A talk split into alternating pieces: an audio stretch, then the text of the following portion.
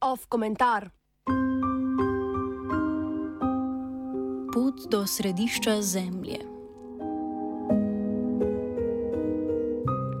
Novembra so se oči javnosti usmerile v podnebno konferenco v Glasgowu, kjer so se zbrali svetovni voditelji in predstavniki interesnih skupin industrije fosilnih goriv.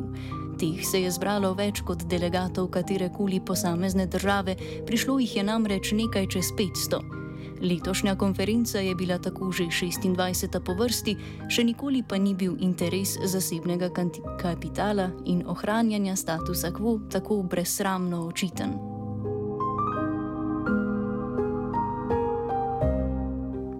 Verjetno mi ni treba povdariti, kako blizu smo popolnemu uničenju normalnega življenja.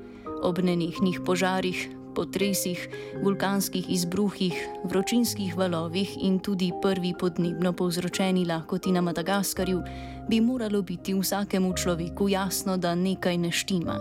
Če nič drugega, v zadnjih 15 letih mojega ne prav dolgega življenja je decembra nehalo snežiti. Vem, zveni kot klišejski nagovor samo oklicane aktivistke, ki se bo čez deset let znašla v programu SD-ja. Ampak stilistični pomisleki na stran, večinska družba sentimentu nujnosti reševanja okoljske krize pritrjuje.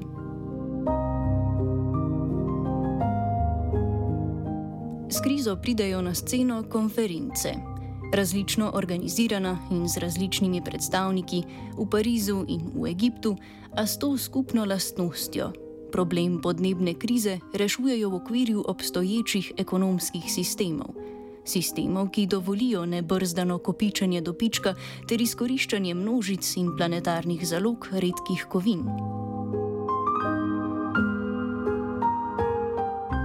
Kakšne rešitve nam torej tak kapitalizem ponuja? Ekonomski sistem, za katerega se tako naftni lobisti kot tudi večina voditeljev držav strinjajo, da je edini možen. Seveda moramo izpostaviti izjeme nekaterih otoških voditeljic, kot je ministrica za okolje na Maldivih. Najprej bi bilo treba povdariti, da ne gre za res za rešitve, temveč bolj pobožne želje, saj se na konferenci niso sprejeli nobeni radikalni ukrepi. Kazalo je, da bo morda uspel dogovor o dekarbonizaciji do leta 2050, a ga je Indija s tiho podporo naftnih lobistov zavrnila.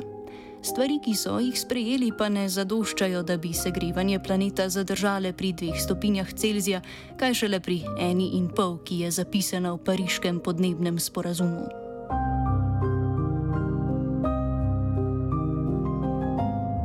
Sprejeti sta bili resolucija o namenjanju denarja revnejšim državam, ki trpijo za posledicami za razpaslega potrošništva razvitega sveta v višini slabih 90 milijard evrov, in pa obljuba, da bomo do leta 2030 izpuste metana zmanjšali za tretjino.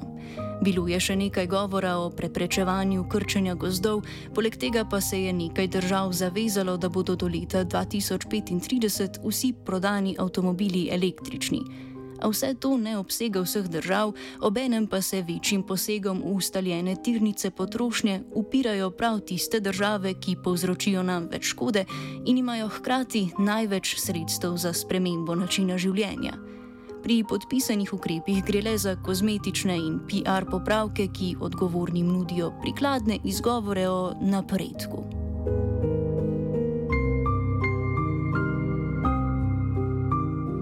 Ker pa si kolektivne akcije in odrasti lobiji ne želijo, saj bi jim tak način poslovanja okrnil dobiček, zato vanju težko verjamem tudi sama, je za zmanjšanje odvisnosti od fosilnih goriv treba najti druge oblike energije.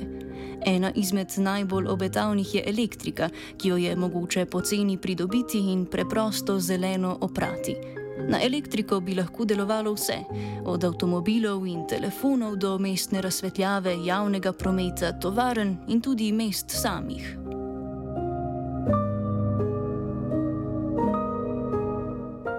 Vprašanje, ki se torej pojavi, je, kako to elektriko pridobiti in uporabiti na kar se da zelen način.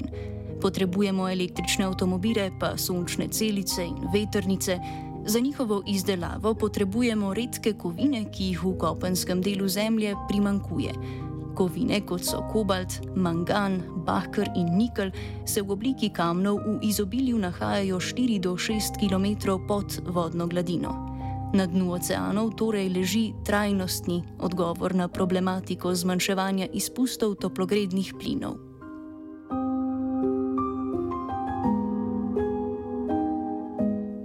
Priložnost dela profit. V zadnjih letih se je pojavilo malo morje podjetij, ki sveto prisegajo na zelenost rudarjenja morskega dna in ga slavijo kot edinega odrešenika za trenutno okoljsko krizo. Povedno je že to, da ob googlanju termina, termina Deep Sea Mining prvi zadetek sponzorira eno izmed teh podjetij. Spletna stran v kvazi znanstvenem tonu razlaga, da je takšno rudarjenje popolnoma neškodljivo in da Greenpeace brez razloga skače v zrak.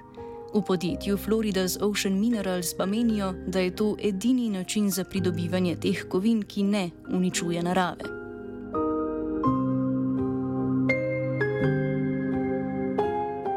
Drugi znanstveniki se s tem, ne presenetljivo, ne strinjajo. Te kamnine so namreč pogosto edina trdna struktura na morskem dnu, kar omogoča mnogim živalskim in rastlinskim vrstam, da se na nje pritrdijo. Nekatere živali, recimo hobotnice, upore sedimentov odlagajo tudi jajčeca. Izkopavanje teh kamnov bi, tako kot večina drugih načinov izkoriščanja oceanov, temeljila na izkopavanju, ki uničuje morska tla že danes.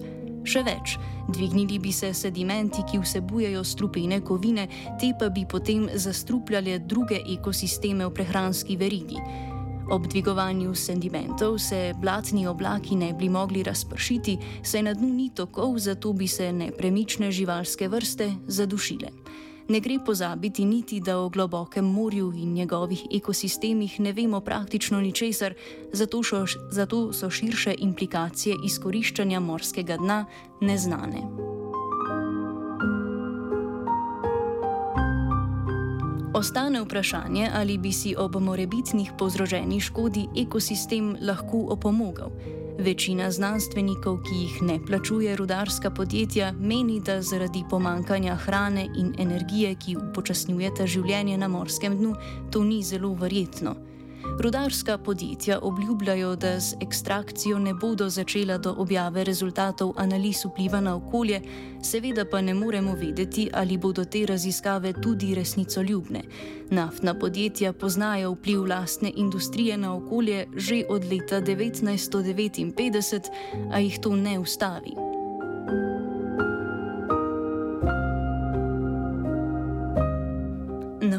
Ena izmed otoških držav v Pacifiku in članica mednarodne oblasti za morsko dno, je pred kratkim kot sponzor podjetja Deep Green sprožila postopek, ki dovoljuje rudarskim podjetjem, da začnejo z izkopavanjem, če se smernice in dovoljenja ne sprejmejo v naslednjih dveh letih. Otoška država trdi, da je to storila, ker jo skrbi višanje morske gladine in ne zaradi dobička, ki ga bo država sprejela z izdajanjem dovolilnic. Rudarjenje morskega dna bi tako na uru prineslo dobiček, ki ne bi vplival na njihovo lastno zemljo. Ko je bil na uru britanska kolonija, je Velika Britanija izkoriščala tamkajšnje zaloge fosfata in belega zlata, pri tem pa se ni kaj dosti zmenila na vpliv rudarjenja na okolje. V drugih oblikah neenakega odnosa moči se je izkoriščanje nadaljevalo tudi po samostojnosti te pacifiške države zato je del otoka dan danes popolnoma neprimeren za življenje.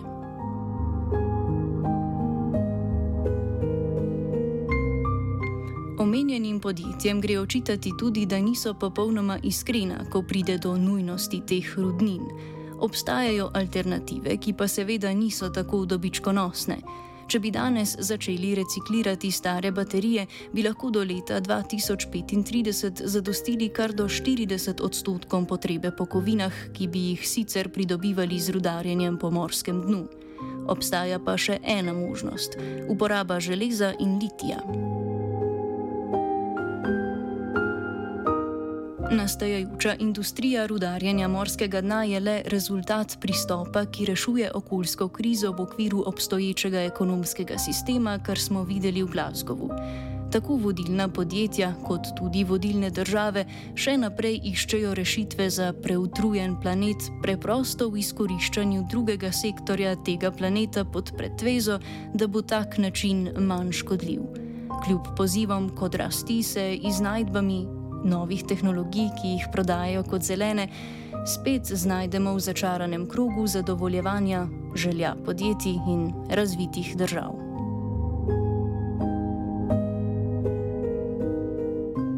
Komentirala je Lucija.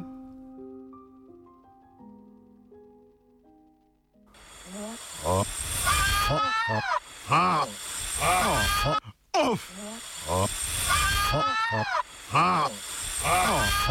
komentar.